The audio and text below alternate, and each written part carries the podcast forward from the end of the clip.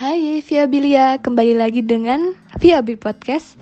Di sini bersama dengan aku Patricia dan kali ini kita akan membawakan tema yaitu mental health bersama dengan Kak Natasha. Halo teman-teman semua, senang banget kali ini dikasih kesempatan untuk ketemu teman-teman semua di sini. Perkenalkan, aku Natasha dari Psikologi Angkatan 2017. Wah, dari uh, 2017 berarti sekarang udah mau ini ya Kak, uh, udah semester akhir lah gitu istilahnya. Nah, terus uh, kenapa dulu Kakak uh, memilih jurusan ini? Iya, bener banget. Udah semester akhir, jadi minta tolong doanya ya teman-teman. Semoga bisa segera selesai. nah, uh, untuk kenapa masuk psikologi, jadi aku memang udah tertarik sama bidang ini dari aku SMP gitu ya. Um, aku menyadari kalau aku itu suka mengobservasi uh, tingkah laku orang-orang gitu. Jadi misalkan nih, uh, dia begini aku tuh suka punya pikiran kayak ini kenapa ya kira-kira dia begini apa karena lagi ada masalah kali ya apa gimana ya nah gitu-gitu jadi aku tuh suka kayak um, cari tahu sebenarnya orang-orang itu tuh berperilaku seperti ini tuh karena apa? Ada dasarnya nggak sih? Segala macamnya gitu-gitu. Terus kayak ya biasalah. Um, mungkin beberapa teman beberapa teman-teman psikologi juga suka punya alasan ini. Kayak banyak yang curhat gitu. Beberapa tuh curhat. Jadi kayak merasa um, cocok aja gitu ya di bidang yang mendengarkan cerita-cerita orang yaitu ya psikologi. Gitu.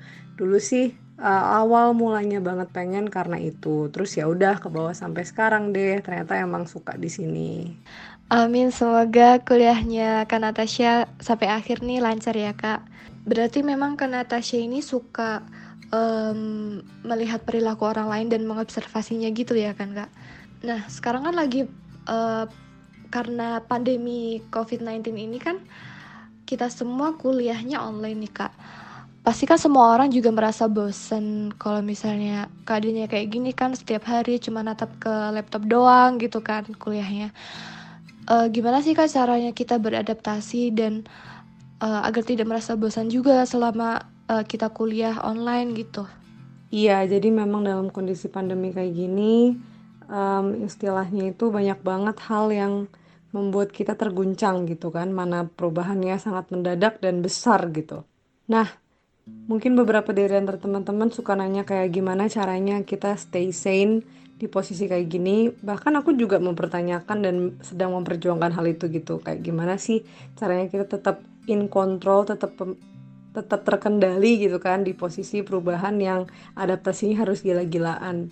Nah, sebelumnya aku mau bilang bahwa aku sepenuhnya paham gitu ya bahwa situasi orang-orang itu beda-beda. Jadi mungkin nanti apa yang aku sharingkan mungkin ada yang cocok di beberapa orang tapi mungkin juga ada yang enggak. Jadi uh, harapannya bisa disesuaikan aja gitu ya dan semoga sih ada yang bisa diimplementasikan ke keseharian teman-teman. Nah, hal pertama yang menurutku penting banget untuk kita bisa beradaptasi adalah untuk menerima keadaannya dulu gitu. Karena gimana ya teman-teman, kalau kita masih ada rasa nggak terima gitu kayak, aduh apaan sih, kenapa sih tiba-tiba begini, ya hal-hal kayak gitu akan membuat kita susah buat adaptasi gitu. Ketika kita masih mencoba mencari apa ya istilahnya harus itu nggak begini. Nah gitu-gitu. Akhirnya kita akan terlalu fokus ke pertanyaan kenapa begini daripada kita fokus ke solusinya tuh gimana. Kalau gimana cara mengatasinya sih kalau menurut aku coba punya ruang kerja atau ruang belajar ruang kuliah sendiri gitu. Jadi kamu ke sana cuman buat belajar untuk buat kuliah nggak harus gede-gede kok nggak harus satu kamar gitu ya kalau ada satu kamar ya nggak apa-apa ya nggak apa-apa banget cuman nggak harus jadi kayak ada study cornernya sendiri gitu, kayak ruang kelas kita pribadi. Karena ada tuh cerita gitu ya di luar negeri gitu. Itu tuh ada kayak satu ibu pekerja. Nah dia itu biar bisa fokus dan bisa nggak apa ya nggak bosen sama suasananya kan kalau di rumah kan kita ngapa-ngapain juga di rumah di situ terus karena biar nggak kayak gitu dia tuh ke uh, garasi terus dia bikin kayak spot kecil gitu untuk dia bisa belajar di situ gitu jadi uh, kita juga apa sih mindset kita pas kita ke pojok itu, pas kita ke ruang kerja kita itu ya untuk belajar gitu. Jadi biar bisa lebih membatasi keinginan kita untuk leha-leha gitulah ya istilahnya lebih fokus. Nah, terus selanjutnya kalau menurut aku adalah untuk menjaga rutinitas kita. Dalam artian ya kalau misalkan kamu sebelum ke kampus biasanya mandi dulu, makan dulu segala macam ya itu dilakuin aja gitu. Jadi kamu tetap memposisikan dirimu kalau memang kamu menjalankan hari-hari seperti biasanya gitu. Tetap tetap ke kuliah seperti biasanya ya cuma sekarang pakai laptop tapi tetap mandi dulu tetap makan dulu pokoknya lakuin yang biasa kamu lakukan lah itu akan bikin kita lebih kerasa niatnya kayak vibes kuliahnya tuh lebih dapet gitu sih kalau menurutku. Nah itu tadi teman-teman penjelasan dari Kak Natasha tentang cara menghadapi kebosanan kita selama kuliah online ini. Nah terus kak uh, selama selama uh, kuliah online ini kan kita di rumah di rumah. Biasanya kan kita di kos. Seringkali mungkin permasalahan rumah bercampur dengan kayak aduh aku udah udah kuliah online di rumah masih juga kecampur dengan masalah yang masalah keluarga di rumah gitu loh terkadang kan ada juga mahasiswa tuh yang kayak stres banget karena dia udah udah beban kuliah juga terus beban mungkin dari keluarganya uh, dari keluarganya juga gitu. Gimana sih kak cara mengatasi uh, atau menanggulangi stres yang diakibatkan oleh kuliah online ini? Oh iya aku paham. Kadang kalau di kos kan juga ya kita bisa lebih banyak kegiatan yang bisa kita lakukan lah ya untuk kayak apa sih mm, mengurangi tingkat stresnya. Terus sekarang di rumah kayak mau yang biasanya kalau biar nggak stres jalan-jalan nggak bisa jalan-jalan gitu kan yang biasanya bikin nggak stresnya itu kalau ketemu teman-teman berorganisasi segala macam sekarang walaupun tetap berorganisasi tapi harus di lingkungan yang di situ aja gitu kan. Jadinya kayak bingung nih gimana sih cara ngadepin stresnya. Nah kalau menurut aku caranya adalah kita harus tahu dulu um, biasanya itu kita kalau ngadepin stres harus masalahnya yang diselesain kayak misalkan nih kamu ada PR banyak gitu. Kamu akan merasa stresnya berkurang kalau kamu kelarin PR-nya atau kamu have fun dulu kamu nonton dulu untuk biar nggak stres baru kalau udah turun tingkat stresnya baru kamu kerjain. Nah gitu. Jadi kamu biasanya tuh gimana? Kamu kelarin masalahnya atau kamu cari distraction dulu sementara? Nah setelah kamu tahu kamu tipe yang mana, ting apa hal selanjutnya yang harus kamu lakukan adalah kita harus cari nih um, apa sih kegiatan baru yang serupa gitu ya, tapi bisa kita lakukan untuk mengurangi stresnya. Karena mungkin kegiatan-kegiatan yang biasa kita lakukan sebelumnya ada yang nggak bisa kita lakukan sekarang kan, kayak yang biasanya jalan-jalan ke mall atau ke kos temennya pas stres, sekarang udah nggak bisa gitu, istilahnya semua harus di rumah. Jadi um, kita harus cari cara baru ini kayak misalkan nih um, aku gitu. Kalau aku misalkan kalau aku lagi stres, aku milih untuk um, kalau yang lain nggak bisa dikerjain ya, misalnya lagi sumpah banget, ya udah aku ngobrol dulu sama temanku, aku uh, ke kamar kosan temanku gitu-gitu, atau enggak ngajak temanku jalan-jalan ke mall atau sekedar ke ada kayak belanja-belanja kecil-kecilan cuman biar kayak nggak di nggak pusing aja gitu loh Nah, sekarang kan nggak bisa. Ya udah, kadang aku akhirnya um, ke garasi gitu, ke garasi, terus aku um, ini deh kayak apa sih istilahnya? Kayak menikmati pemandangan aja gitu di garasi. Misalkan aku kayak duduk diam, menikmatin angin gitu. Pokoknya aku harus cari ruangan yang berbeda. Ya udah yang tadinya aku di kamar, aku keluar gitu. Sebenarnya nggak sama-sama banget sih, tapi kayak kalian paham lah ya maksudnya. Kayak apa sih? Um, apa uh, tetap serupa gitu loh atau aku jalan-jalan keliling komplek atau misalkan pokoknya setiap um, ada yang ngajak ayo mau nggak belanja? Aku pasti ikut gitu. Karena ya itu satu-satunya cara aku untuk keluar rumah gitu kan. Maksudnya keluar dari dari apa sih dari ruangan belajar kita dari ruangan yang saat itu kita lagi stres ya dengan cara belanja. Ya udah aku ikut deh. Pokoknya kalau ada yang mau belanja ya aku ikut. Nah itu salah satu caranya. Jadi kayak apa sih kita harus bisa nemuin hobi-hobi baru gitu. Atau cara-cara baru untuk kita mengurangi stresnya gitu loh Makanya nggak heran kalau di masa-masa karantina ini banyak banget yang nemuin hobinya yang mungkin dulu dia nggak ngeh kalau dia suka gitu kan. Ada yang tiba-tiba demen banget berkebun, ada yang tiba-tiba suka banget bikin-bikin diary, ada yang tiba-tiba suka masak, yang mungkin dulu ya dia lebih memilih melakukan hal lain untuk mengurangi stresnya gitu. Tapi dengan cara tapi karena ada uh, situasi kayak gini ya akhirnya baru muncul deh tuh hal-hal lain yang bisa dia lakukan untuk mengurangi stresnya. Kayak baru kepikiran aja gitu loh kayak baru ngeh oh ternyata ini juga bisa loh bikin aku rilis gitu bisa bikin aku berkurang stresnya. Nah itu yang harus kita temuin. Kira-kira apa yang bisa dilakukan di masa kayak gini yang bisa kita tetap mengurangi stres kita gitu. Apa yang bisa dilakukan untuk kita mengurangi stres kita bahkan di masa-masa sulit seperti ini gitu Nah, bisa banget tuh teman-teman uh, tips dari Kak Natasha untuk kita ikutin ya. Dan memang bener sih, sekarang tuh uh, pada muncul gitu kayak yang jadi tukang masak, yang jadi tukang apalah ya kan. Sebagai mahasiswa ya Kak, kita kan sering banget nih begadang entah itu untuk mengerjakan tugas atau apa. Nah, itu kan memang buruk banget ya untuk kesehatan diri kita sendiri.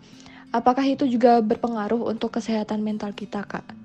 Iya, itu benar banget. Jadi kan ada peribahasa tuh tubuh yang sehat mengandung jiwa yang sehat atau apa sih? Aku lupa persisnya gimana, tapi pokoknya ada kan peribahasa kayak gitu. Itu benar itu bukan sekedar peribahasa. Nah, sebaliknya juga gitu. Mental yang sehat juga bisa membuat tubuh kita juga lebih sehat gitu. Ini dua hal yang saling berhubungan memang satu sama lain. Nah, jadi kalau misalkan soal bobok malam gitu ya, ya bisa aja. Jadi kayak kamu um, apa namanya bobo malam gitu kan. Bukan malam bukan subuh bahkan kadang pagi gitu kan. Jujur aku juga sering kok. Dan memang ini uh, memusingkan gitu ya kadang-kadang ya. Nah anggaplah kita bobo jam 5 pagi gitu jam 4 pagi. Terus bangun-bangun kita kayak apa ya badan kita nggak fit kan badan kita nggak fit dan akhirnya itu ngaruh ke semua semuanya gitu ya. Kayak ntar lagi ada udah kita nggak terlalu fit karena badan kita lagi habis begadang terus ditambahin sama tugas-tugas kuliah yang banyak terus tambah lagi masalah A masalah B masalah C. Itu akan bikin kita tambah pusing gitu ya. Jadi udah badan kamu nggak fit yang udah somehow bikin keadaan mentalmu juga uh, terpengaruh pastinya. Terus kamu ditambahin oleh segala macam bertubi-tubi akhirnya makin meledak. Jadi ya memang sebenarnya bener banget tuh yang kalau misalkan kalian cari tips and trick untuk apa-apa tuh banyak banget yang tidur yang cukup gitu kan. Karena ya memang ya itu penting sih. Karena bagaimanapun tidur itu salah satu senjata sehat banget gitulah istilahnya. Dan iya betul kesehatan jasmani dan kesehatan batin kita sama-sama saling berpengaruh. Sama-sama saling mempengaruhi gitu Nah, kalau di masa-masa kayak gini tuh kadang ada yang memang karena tugas, tapi ada juga yang karena ya kita nggak ke mana-mana gitu nggak sih, jadi kayak susah aja buat tidur gitu, karena energinya yang biasa dikeluarkan di hal lain, tapi kita nggak bisa ngelakuin hal itu dan akhirnya mendem dan akhirnya kita kayak nggak pengen tidur aja gitu, nggak ngerasa secapek itu atau nggak, ya pokoknya gitulah ya, jadinya susah tidur. Nah, sebenarnya salah satu cara untuk bisa mengatasi hal ini adalah kalau aku sih uh, bikin apa ya uh, tetap kayak punya bikin rutin-rutin kecil menurut kamu gitu loh. Jadi kalau misalkan, oke okay, besok aku akan bangun pagi jam 7 karena aku mau workout misalkan gitu. Gila rajin banget.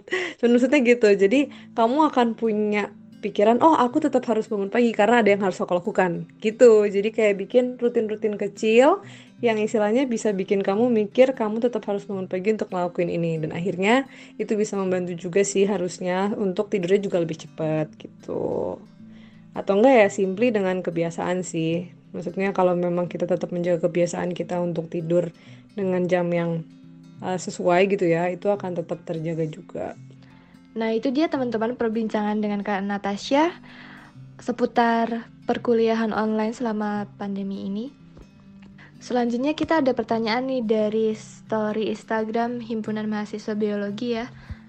Yang pertama itu ada dari afajri.pr. Pertanyaannya, cara menghadapi toxic positivity dong kak? Terima kasih. Nah gimana tuh kak cara menghadapi toxic positivity? Oke, terima kasih sebelumnya untuk pertanyaannya.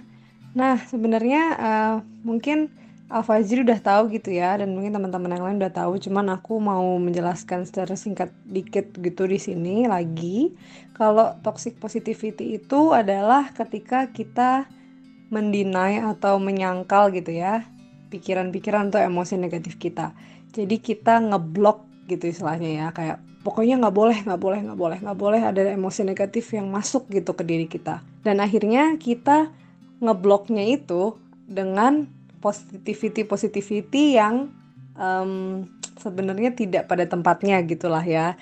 Yang harusnya kita merasa sedih tapi kita menahan kesedihan itu dan sok bahagia. Padahal ya nggak lagi bahagia gitu kan. Caranya untuk menghadapi toxic positivity adalah yang pertama lagi-lagi kayak di awal tadi aku udah bilang Tips pertamanya itu adalah kamu terima dulu kalau memang kamu sedang mengalami situasi negatif atau sedang mengalami emosi-emosi yang tidak mengenakan gitu.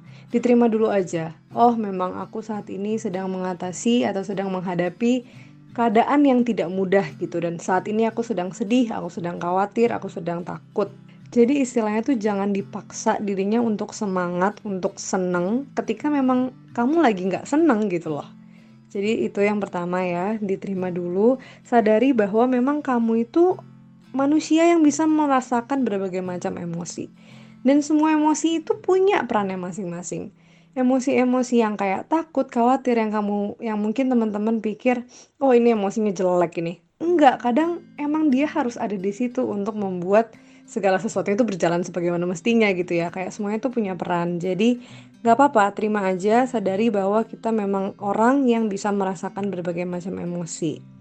Nah selanjutnya kita juga harus aware harus sadar bahwa emosi kita itu bisa mem membantu kita sebenarnya atau itu bisa digunakan untuk mengekspres mengekspresikan apa yang kita rasakan. Jadi misalkan nih kita lagi sedih gitu kan. Nah, orang-orang tahu kamu lagi sedih ya dengan kamu menceritakan emosimu gitu loh. Maksudnya gimana caranya orang-orang mau bantu kamu kalau kamu tidak membuka diri kamu ke orang-orang kalau memang kamu butuh bantuan gitu istilahnya. Gimana caranya orang lain mau bantu kamu kalau kamu aja tidak membiarkan emosi, emosi sedih, emosi takut ini tertunjukkan gitu, terekspresikan ke mereka kalau memang ya gara-gara itu aku lagi butuh seorang nih gitu istilahnya itu nggak akan bisa tersampaikan kalau misalkan kamu terus-terusan ngeblok emosi-emosi negatif itu gitu. Dan bayangkan betapa leganya ketika teman-teman bisa mengekspresikan apa yang teman-teman rasakan dan akhirnya itu bisa apa ya terkeluarkan gitu. Nggak nggak terus terusan stay dalam hati kita dan terus mengganggu gitu. Itu bisa dikeluarkan itu akan akhirnya lebih kitanya juga lebih plong, kitanya juga lebih ringan dan mungkin dengan itu kita bisa mendapatkan berbagai bantuan, mendapatkan berbagai apa ya? istilahnya penguatan gitulah untuk kita tetap bisa tetap moving on gitu, bisa menjalani hari-hari kita. Jadi jangan langsung ditangkas gitu emosinya kayak oh nggak boleh sedih nggak ada nggak ada yang bilang kita nggak boleh sedih nggak ada yang bilang kamu nggak boleh marah nggak ada yang bilang kamu nggak boleh khawatir nggak ada Makanya dia bilang kan, orang yang sedih sebenarnya bukan orang yang lemah, tapi dia adalah orang yang kuat. Dan aku setuju sama pernyataan itu. Karena apa? Gak mudah untuk kita menerima bahwa kita sedang tidak baik-baik aja. Itu sangat-sangat tidak mudah. Tapi ya bagaimanapun, itu penting untuk dilakukan gitu. Nah, tapi nggak stop di sini nih teman-teman gitu loh. Jadi bukan berarti toxic positivity terus oh ya udah aku sedih terus aja pokoknya aku memang masih sedih. Nggak nggak kayak gitu. Tapi kita juga harus tahu nih, oh oke, okay, kita sedih, kita terima. Nah, itu itu kan berarti kita bu, uh, tidak menyangkal ya. Jadi udah nggak toxic positivity tuh gitu. Tapi kita harus tahu nih, oke, okay, kita sedih, aku mau istirahat dulu sebentar, aku mau nangis dulu, aku mau agak break dulu dari keseharianku. Dalam artian dengan ya maksudnya kayak ya nangis dulu gitu lah kayak rilis dulu. Tapi ya, di otak kita juga harus punya di pikiran kita juga harus tetap harus ada pandangan kayak oke okay, aku sedih sejenak tapi abis itu aku bangkit lagi gitu. Aku istirahat sejenak tapi abis itu aku bangkit lagi. Jadi bukan yang kayak terus-terusan sedih juga gitu dan terus-terusan berpasrah dan ah ya udah pokoknya aku sedih aku terima aku sedih terus udah ngapa-ngapain nggak kayak gitu.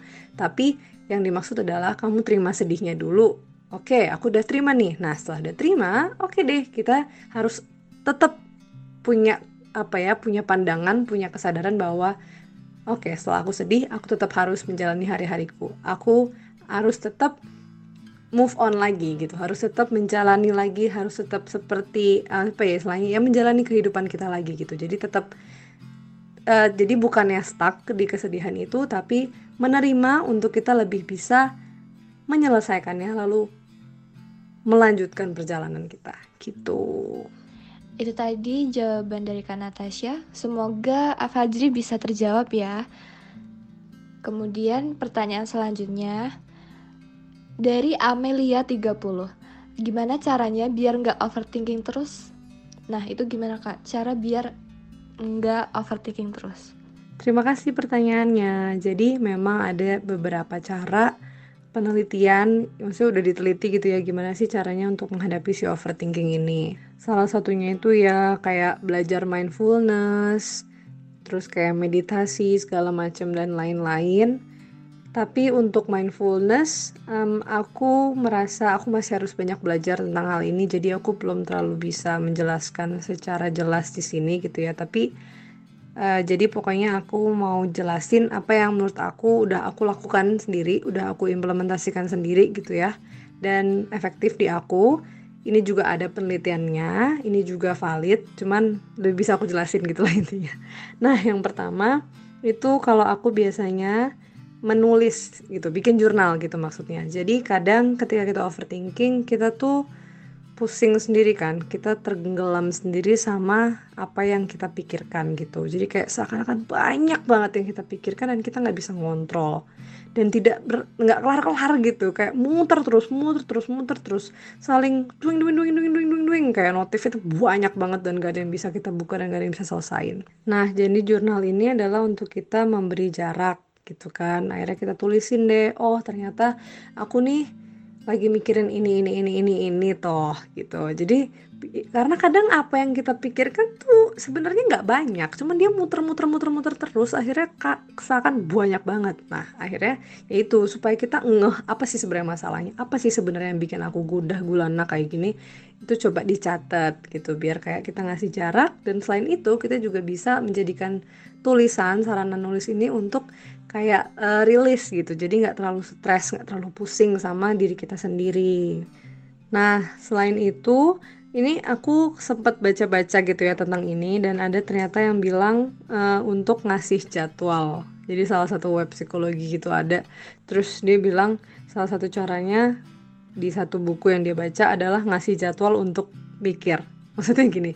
Jadi uh, misalkan nih kita lagi ngerjain tugas terus kayak mulai overthinking Nah, aku bakal bilang ke diri aku, udah-udah nanti aja pikirinnya jam 8 ntar. Jam 8 ntar baru mikirin ya. Nah gitu, jadi kita bisa kayak ngerem diri kita untuk nggak kalut di saat itu, tapi kita kayak, oke okay, ntar dulu ya, ntar dulu ntar kita pikirin gitu. Jadi itu mungkin cara itu bisa juga membantu supaya kita nggak terlalu rumnyam dulu di pikiran-pikiran kita saat itu gitu.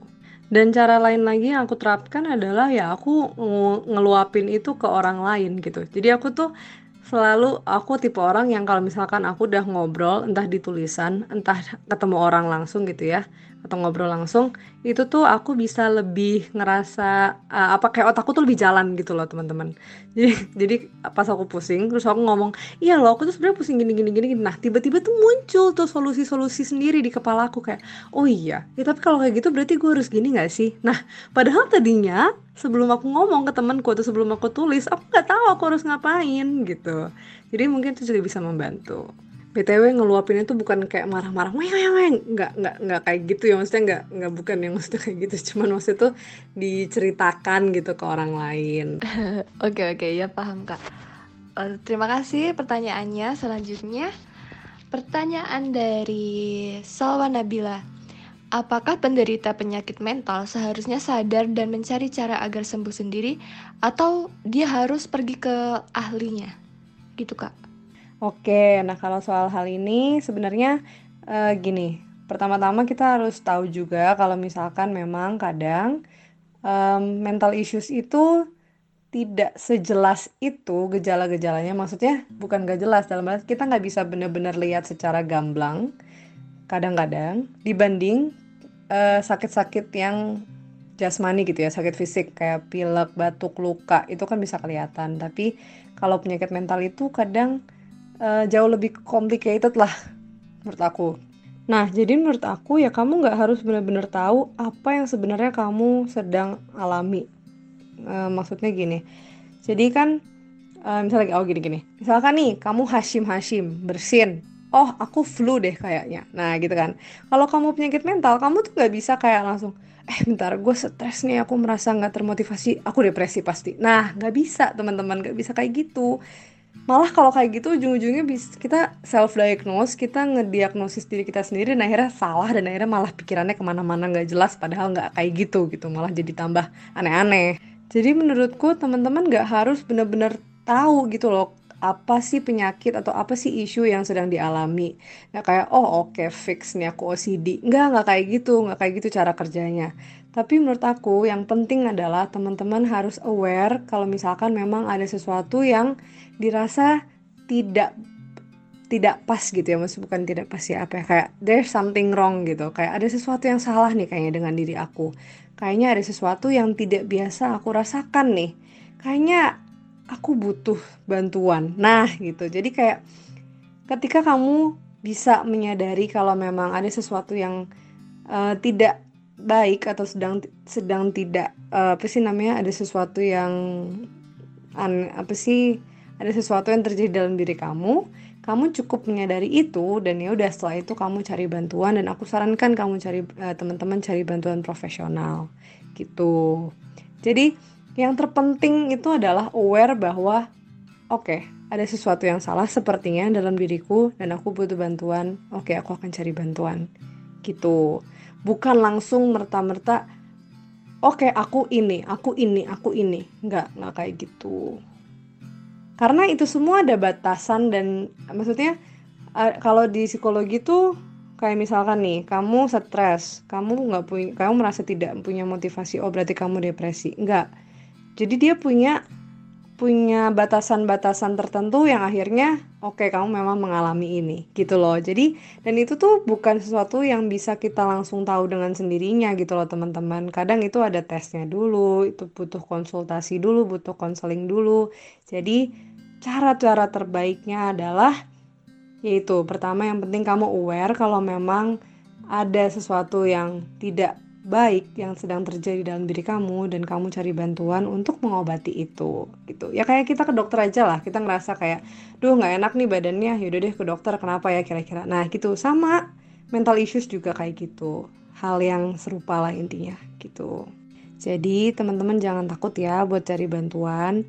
Kalau memang rasa-rasanya sudah sulit banget untuk dihadapi sendiri kayak udah terlalu melelahkan udah nggak tahu lagi harus gimana kayak ini tuh ada yang salah tapi aku nggak tahu ini apa sebenarnya. Daripada nebak-nebak self diagnose dari internet gitu ya mendingan cari bantuan aja. Itu bukan hal yang mengamaluk itu bukan hal yang memalukan teman-teman. Itu bukan hal yang aneh. Itu wajar.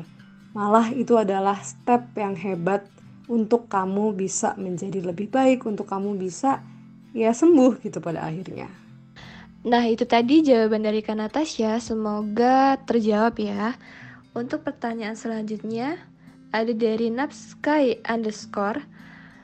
Pertanyaannya itu semakin nyari tahu tentang mental health, jadi kayak ke sugesti ke diri sendiri. Nah itu gimana caranya biar nggak kayak gitu? Oke, untuk yang ini sebenarnya jawabannya mirip-mirip sih sama pertanyaan yang sebelumnya. Jadi uh, ya aku paham maksudnya tersugesti karena kayak kita akhirnya jadi suka look back ke diri kita gitu kan kayak oh ternyata uh, maksudnya aku tahu nih kalau ciri-cirinya ciri-cirinya depresi tuh kayak gini terus ketika kamu lagi merasa yang mirip-mirip kayak ciri-cirinya kayak gejalanya kamu jadi merasa kayaknya aku kayak gini deh gitu-gitu kan. Padahal belum tentu gitu kan nah itu mungkin ya, ya maksudnya sugesti ya aku paham gitu uh, perasaan kayak gitu tuh itu pernah terjadi juga pada aku. Nah, yang aku lakukan adalah dan yang mungkin harus teman-teman ingat adalah yang tadi aku aku udah jelasin yaitu tahu batasnya. Jadi kayak ketahuilah bahwa semua gejala-gejala itu ada batas secara kuantitatifnya gitu. Jadi nggak semata-mata merasa tidak termotivasi. Nggak kayak gitu doang gitu teman-teman. Tapi itu semua tuh ada jangka waktunya ada artinya ada ada apa ya ada kriteria lain selain gejala-gejala yang kayak gitu gitulah istilahnya. Nah jadi um, apa menurutku pribadi yang tadi aku juga ceritain sebenarnya um, kita nggak perlu terlalu cari tahu sebenarnya kalau kayak gini gejalanya apa, kalau gini gejalanya apa, kalau menurut aku itu nggak terlalu perlu untuk kita ketahui secara sedalam itu gitulah ya, karena ya itu kalau cari taunya di internet terutama kadang malah aneh-aneh. Jadi yang paling sangat perlu kita ketahui tentang mental health adalah bahwa mental issues itu nyata bukan semata-mata orangnya aja yang melebih-lebihkan, bukan sekedar oh paling dia kurang berdoa segala macam enggak, bukan hal itu. Tapi memang mental health, mental issues itu ya memang bisa terjadi karena memang kita butuh pertolongan secara medis gitu. Medis dalam hal ini ya ada psikologi-psikologi juga yang maksudnya makanya ada psikiater. Jadi yang paling penting adalah itu kita semua harus tetap tahu, harus tetap mengetahui bahwa memang mental issues itu nyata dan dengan kita mengetahui, kita um, menerima kalau itu nyata, pada akhirnya kita juga bisa lebih aware, kita lebih sadar kepada hal-hal tidak biasa yang mungkin terjadi sama diri kita. Dan kalau ketika kita udah aware, ya kita bisa mencari bantuan dan akhirnya bisa mendapat pertolongan profesional untuk menyelesaikan, menyembuhkan mental issuesnya ini, gitu. Jadi um, apa? Jangan malah itu ya bukan bukan uh, apa sih mencari tahunya itu kalau aku bilang gak usah terlalu dalam tentang gimana sih gejalanya berlala enggak ya bahkan mungkin sebenarnya kadang bukan hanya penyakit mental sih kayak kita sekedar sakit kepala aja sakit kepala aja gejalanya bisa banyak banget kan teman-teman. Dari yang paling penyakit sederhana sampai yang paling ribet kadang ada aja gejalanya demam. Tapi kan bukan berarti berat kalau kita demam kita langsung ke penyakit yang paling kronis kan. Nah, sama juga kayak gitu. Jadi, kalau aku bilang gak usah terlalu pusing sama gejala-gejalanya, tapi apa yang perlu kamu tahu yaitu, oke, okay, ini memang nyata, aku mungkin aja memang punya mental issues. Itu bukan suatu hal yang perlu ditakutkan ya sekali lagi. Jadi kalau memang merasa seperti itu, ya kita bisa cari professional help gitu teman-teman. Jadi pokoknya untuk mastiinnya tuh tetap aku saranin ke profesional gitu ya maksudnya ya. Selanjutnya ini ada pertanyaan terakhir dari MV Putri. Pendapat kakak mengenai ambivert? Soalnya pernah baca kalau ambivert tuh sebenarnya nggak ada. Nah, gimana tuh kak?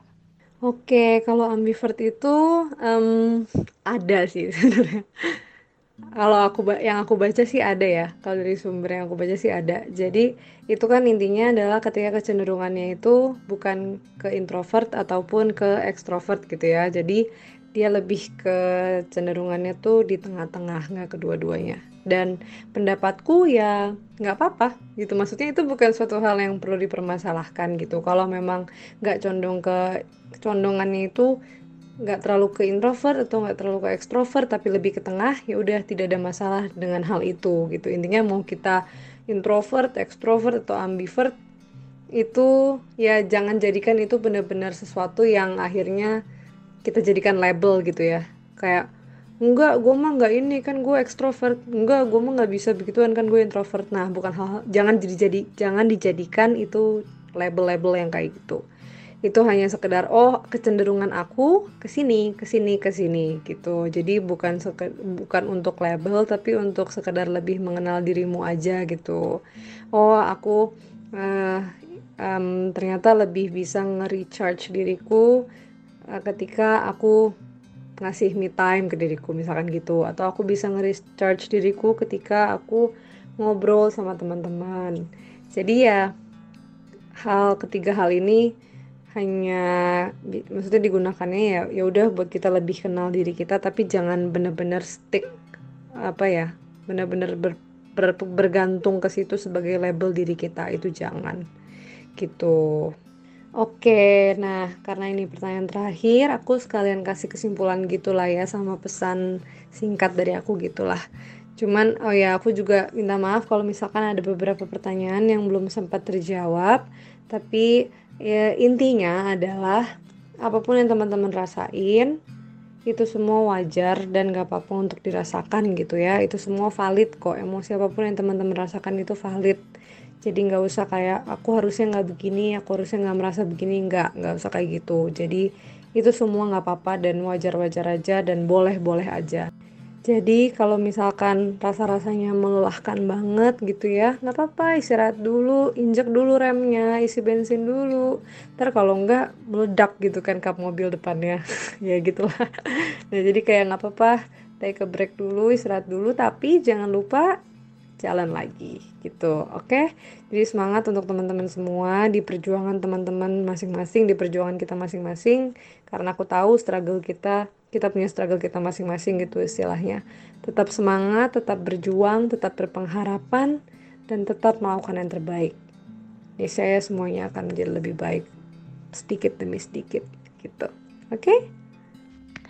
Itu dia perbincangan aku dengan Kak Natasha seputar mental health dan menjawab pertanyaan kalian.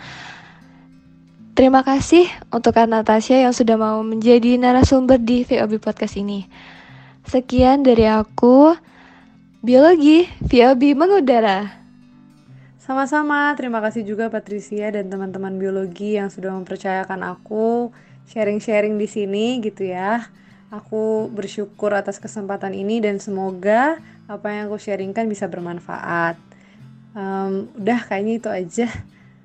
Uh, sampai jumpa di kesempatan berikutnya teman-teman semua. Dadah.